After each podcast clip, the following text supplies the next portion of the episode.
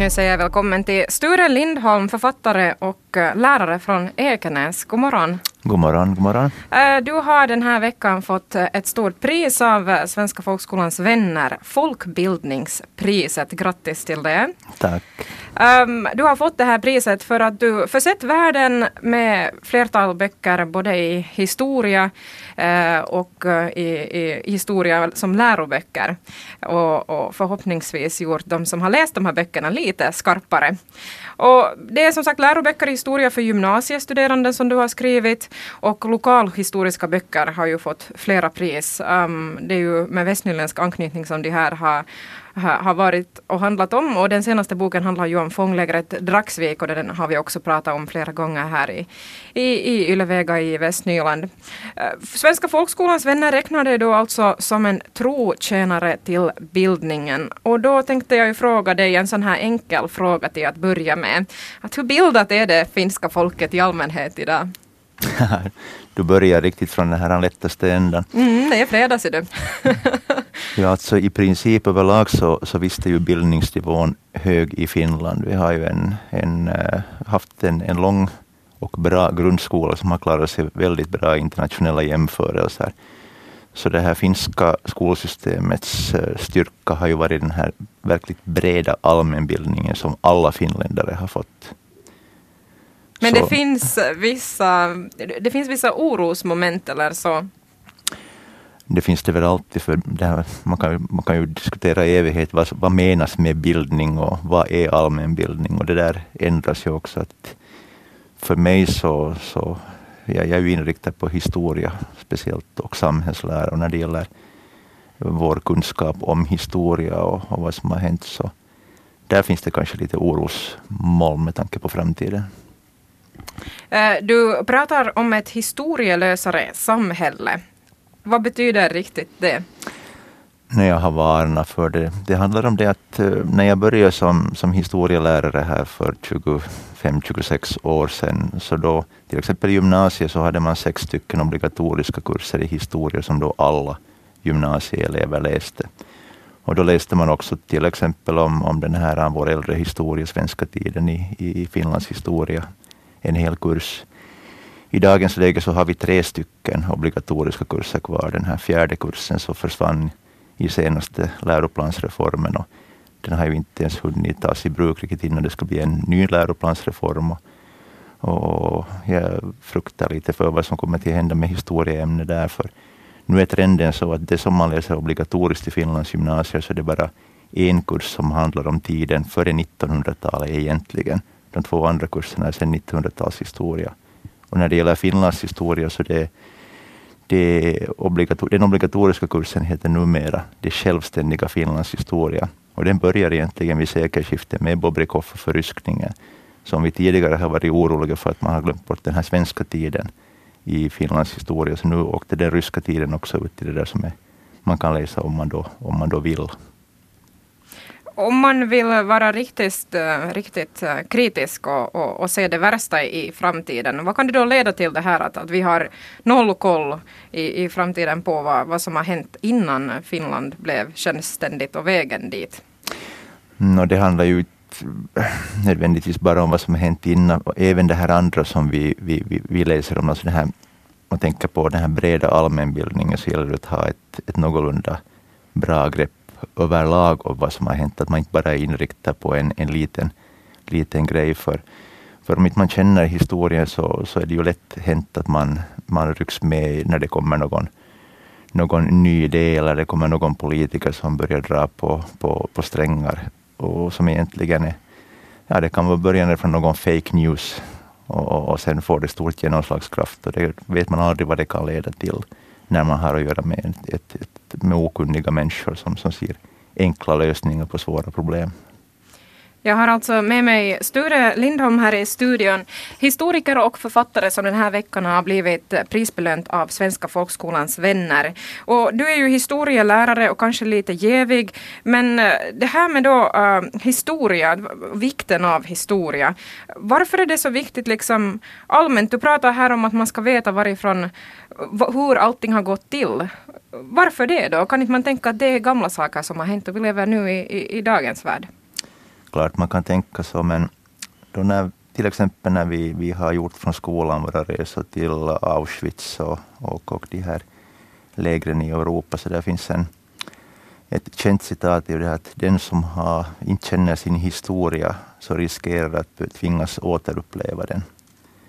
Och det är ju lite det där också som, som Eh, är centralt. Man, man kan ju lära sig av historien, av, av de misstag som, som kanske har gjorts. Och, och till exempel se att vad det kan leda till när, eh, som bara som exempel, när hatretoriken får överslag, man börjar dela in folk i olika grupper och olika hotbilder och, och fiendebilder dyker upp. Det där. Så det som hände i Finland för hundra år sedan så hände ju överallt i, i världen och kan hända igen var som helst. Det borde man lära sig av historien kan hända igen säger du, men samtidigt idag, det verkar ju inte som att vi har lärt oss så mycket av histor historien, för vi, den här hatretoriken är ju väldigt stor, inte bara i Finland men i andra delar av världen också. Eh, det byggs upp väldigt stora motsättningar mellan olika folkgrupper. Det finns eh, en ny våg av nynazism och så här. Hur ser du på det? No, det är ju det som är det intressanta att, att, att se att hur, hur de här eh, pendeln går från ena ytterligheten till den andra. Och ibland säger man att historien upprepar sig och det gör den ju inte för det är ju andra förutsättningar. Men, men där är ju grejen den att, att om man då har kännedom om vad som har hänt tidigare så kan man eventuellt ta det i beaktande och, och, och vara medveten om vart saker och ting kan leda till på ett annat sätt än om man är helt okunnig och har glömt bort det som har, har hänt. Sen är det ju en annan femma det här med att, att, att alla människor har väl i varje fall ett litet behov också att känna sina rötter, veta varifrån man kommer och vad, vad, vad, vad ens eh, tidigare generationer har varit med om. Det där brukar dyka upp allt kraftigare ju äldre man blir. Ja, det vet du som har dykt ner i eh, lokalhistoriken här, lokalhistoriska händelser de, de senaste åren. Um, det här med om vi håller oss till skolan, um, du har inte jobbat som lärare nu de senaste åren utan har koncentrerat dig på att, att skriva böcker och du, och du forskar främst då i 1918 och händelserna då uh, på ett lokal, uh, lokal uh, perspektiv. men, men det här med att du säger att du är orolig för utvecklingen för historien i eh, gymnasiet. Att det har minskat de här kurserna som gymnasiestuderande läser och du är rädd för att de kommer minska ytterligare. Eh, mycket har ju kommit in också i skolan. Man läser inte alls samma saker idag, man lär sig inte samma saker idag som för 30 år sedan. Eh, kan det inte vara lite farligt det här också att lägga saker i en vågskål? Sådär att, att hur mycket väger historia jämfört med, med andra ämnen? Visst är det en, en, en farlig grej. Det. Och det där med det där, den här olika definitionerna på bildning och vad som är viktigt kommer in i, i och, det är klart att de här färdigheterna som man betonar idag i skolan är ju jätteviktiga och, och i och med att samhället och, och livet förändras så snabbt det där så, så, så ska ju skolan bereda möjlighet och färdigheter för att klara sig där. Men det finns den här risken att man glömmer bort den där kunskapsbasen som borde finnas där. Och riktigt hur man ska lösa det så vet jag inte om man inte ökar eh, så att säga, resurserna, tiden för, för att hinna lära ut det där i skolan. För, för ju, ju mera nytt det kommer till så måste man fundera på att vad är det som, är, är som man kan ta bort där från det tidigare. Och inte det är riktigt eh, bra om man tar, om man tar bort då, ska vi säga, vår kunskap om allt det här som har hänt före 1900-talet eller före det vi själva var födda. Och till exempel från det här gymnasiets nya läroplan så sånt här som till exempel upplysningstiden, vad det handlar om på 1700-talet, det är borta från hissen och det har inte rymts med mera. Och kulturhistorien överhuvudtaget. Du pratar om att, att lärare ska få mera tid att lära ut. Det betyder ju, vad jag uppfattar det som, mera timmar i skolan. Förespråkar du alltså att, att kanske gymnasiestuderande elever överlag i Finland skulle gå lite längre i skolan, ha längre skoldagar än idag? vi har nog väldigt korta skoldagar överlag, kanske inte i gymnasierna men i, på, på grundskolan. Så visst finns det, skulle det finnas behov av mera tid där. Speciellt om man tänker då på att det som borde läras ut och nya metoder och nya färdigheter är väldigt tidskrävande. Eh, Sture Lindholm, eh, du är rädd för att vi går mot ett allt historielösare samhälle. Eh, vad ska vi då göra åt det här? Hur ska vi bli klokare och bättre på historia? ja, ge möjlighet att, att, att, undervisa det i skolan förstås. Och sen gäller det ju förstås också att, att, um, göra historieämnet så attraktivt att, att, att man faktiskt inser att det går upp för alla, också beslutsfattarna, att historia är viktigt. Ja, hur är det då era, er uppgift som lärare, historielärare? Att där också, att det går hem för alla som sitter i klassen? Det är ju det som är vår utmaning och vår uppgift. Det där, så det är ju det som borde vara vår ledstjärna. Eh, Sture Lindholm, eh, prisbelönt den här veckan, har fått eh, Folkbildningspriset av Svenska folkskolans vänner i onsdags. Du skriver lokalhistoriska böcker som har fått många pris, skriver också historieböcker för gymnasiestuderande i Finland.